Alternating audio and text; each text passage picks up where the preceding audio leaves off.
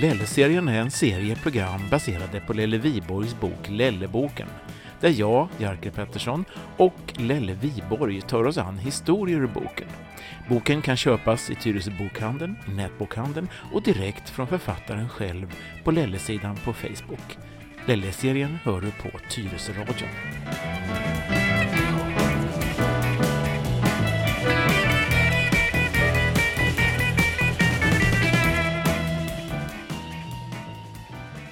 Välkommen till åttonde avsnittet av Lelle-serien i Lilla studion. Ja, välkommen Lelle Viborg. Tack, tack.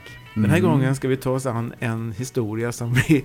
Eh, ja, det...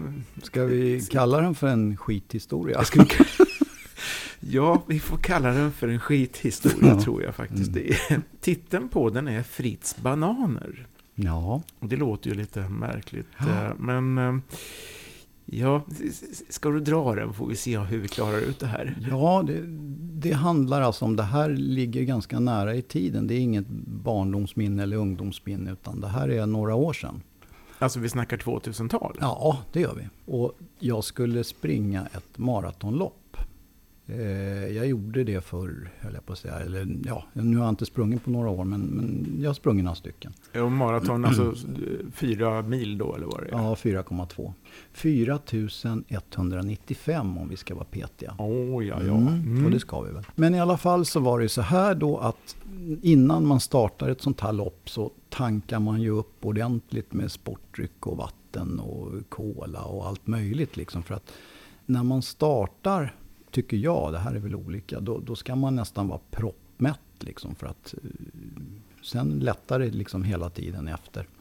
Och man blir inte pinknödig heller utan det tar andra vägar. Så att det, ja, det gäller att ha laddat alltså? Ja, det gäller att ha laddat. Det gör det. Det, det. det är liksom grejen som följer med att man dricker flera liter och äter en massa konstigheter. Det blir ju att det, det trycker på, om man säger så, innan start. Det som kommer in ska ut. Ja, precis. Så är det ju. Och då var det så här då att den här starten den går ju då uppe på, det här var ett ultramaraton till, till, till och med så att det var faktiskt en, ett femmilslopp. Ute Aha. på Djurgården, ute vid, eh, ja starten gick vid Sjöhistoriska ungefär. Då tänkte jag så här att det är lika bra att man går och slår en drill innan startskottet går och, och, och sådär. Kan ju vara bra. Mm. Istället för att göra det när, när det har börjat liksom. Och då när jag står där i lugn och ro och filosoferar i någon buske så ser jag att det sticker upp en keps en bit bort. Med, med en tysk flagga på. Okej. Okay. Ja. Och, och han säger du Guten Tag, liksom, jaha.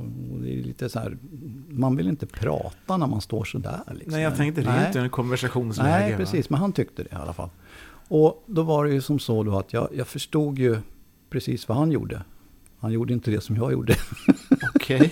Han, han stod inte upp om vi Nej, säger så? Nej, han satt på huk om man säger så. Då. Aha. Mm -hmm. Och jag tänkte jag måste avsluta det jag gör här nu så jag kommer härifrån. För mm. att det mm. kändes inte bekvämt liksom. Utan, Hur nära var han? Ja, fem meter mm. kanske. Ja, för nära. I alla fall så, jag gjorde det jag skulle och så när jag gick en bit bort och var på väg mot startfållorna då så hör jag någon som skriker så här. Scheisse, keine Papier. Mm.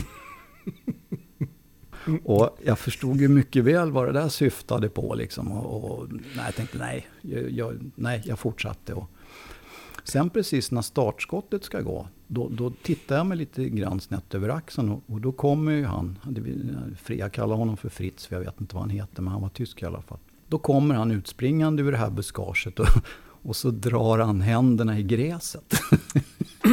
Okej, okay. ja, precis. Och eh, det, jag, jag räknade smart som jag är, så räknade jag ut att det var inget bra. Det var inget bra. Nej, mm, Keine papir och fingrarna i mm, gräset. Mm, exakt. Mm. Och då kommer ju då, när vi står där och trampar på startlinjen, så kommer ju eh, ett gäng flickor med lite uppskivade bananer. För att det, det, får man då liksom när man står där och är nervös och de bjuder på det. Kommer med stora fat.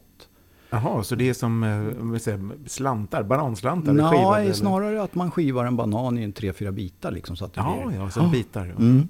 Och jag ser ju då Fritz Mm. Och, och, och, och, till saken hör ju då att de här tjejerna då, de har ju plasthandskar och det är väldigt noga sådär. Eh, och så långt är allt rätt. Men det är ju det att de som gräver runt i de här, som tar bananerna, de borde ju också ha plasthandskar, men det har de ju inte. Nej, Nej löparna. Mm. Så att eh, Fritz han stod en bit på sidan av mig och jag såg ju med all tydlig önskvärdhet hur han grävde runt i de där faten för att hitta de bästa bitarna. Liksom. Med den hand som han Förmodligen. Jag kan ju inte svära på det. Men jag har ju svårt att tro att han bytte hand. Liksom. Om man torkar mm. sig med den ena handen så käkar han väl bananer med samma. Det. Mm. Om han nu var högerhänt eller mm. vänsterhänt. Så att um, då blev det ungefär som i ett av de förra avsnitten här. Att det, det vände sig lite.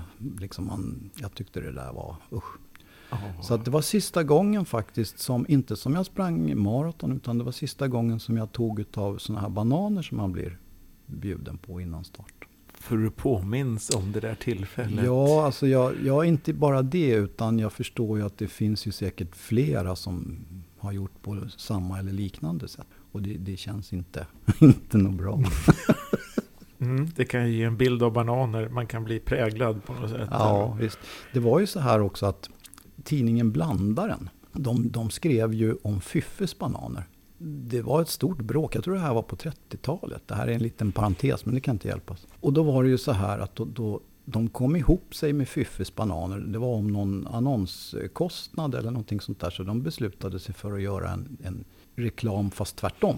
Då skrev de i annonsen då att Fyffes bananer, det, de är så lättsmälta så de smakar som skit redan i mun det, det, det följer inte god jord, va? men det, det, hör ju liksom till historien på något sätt att det här var lite, lite samma stuk. Jag tänker eh, Fritz vi kallar honom så, va? när han då förmodligen var han nödig och tvungen att sätta mm. sig i skogen. Ja, det var ju visst. Ja. Och det var ju inget konstigt ja, med det. Men, men, att då efteråt komma på, scheisse, keine papir, ja. kollar man inte det innan? Det är man väldigt noga med om man hamnar i det läget. Mm, skulle jag vilja påstå. Som löpare. Ja, och, och sen nästa del är ju så här att ja, men då skulle jag leta efter löv. Kanske inte fanns några löv. Nej. Ja, lönnlöv till exempel. Ja. Såg du honom senare då i loppet? Ja, gjorde jag. Ja, hur gick det för honom? Jo, det gick nog bra. Skitbra? Ja, skitbra sa Bull. Ja, ja, precis. Ja. Jo, det gjorde det nog. Det ja. tror jag nog. I och med att han hälsade på dig där? Och, han tog inte hand kanske. och det är jag väldigt tacksam för. Det är väldigt trevligt. Men, I och med att han, eh, vad var det han sa? Guten Tag? Ja, Guten Tag sa han. Och, ja. och så fortsatte han att låta. Ja, mm, mm. Han måste ju, då såg han ju dig då när ni träffades i skogen. Ja, ja, ja visst. Ja, kände, träff, kände han igen dig senare? Nej, vi, vi, nej, nej, gjorde han inte. Ni hade ingen vidare kontakt? Nej, vi, vi, nej. Han, han låtsades, nej, låtsades, jag tror inte han kände igen mig. Han, jag menar, man, man, det är ju sådär när man startar ett lopp, man har en keps som är nedtryckt över ögonen. Och man ja. ser inte mycket av folk egentligen. Nej, och ni var många löpare så att... Eh. Ja, väldigt många tusen.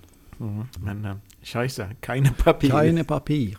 Det kanske är så man gör, eller rättare sagt så här. Äh, jag vet, äh, i Indien så har man, det här låter ju hemskt alltså, men vi, vi får ta den. Ja. Alltså i Indien, i alla fall vissa delar av Indien, så har man ju liksom, man har två nävar. Mm. Det här låter hemskt.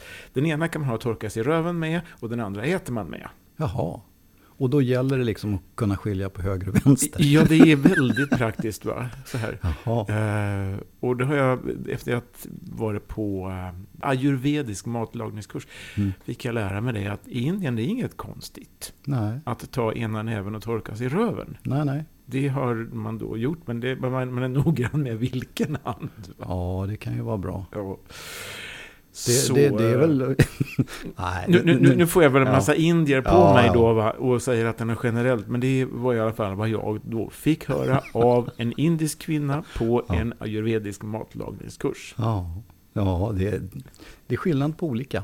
Ja, jag vet inte vad Tyskland och Indien har med varandra att göra. Men... Nej, men de, i det här fallet så har de ju en gemensam sak och det var ju att ingen använder papper. Nej, just det. Keine Papier. Ja, precis. Mm. Ja, så var det med Fritz Bananer. vi, vi klarade den. Ja, vi ja. gjorde faktiskt det. Ja. Det, blev, det blev en skithistoria, men i alla fall. Ännu en story ur Lelleboken. Flera kommer vi igen med, nästa gång med rådjurshuvudet. Ja, det är en rysare. Så missa inte den. Rysare blir det. Mm, Vi hörs. gör vi.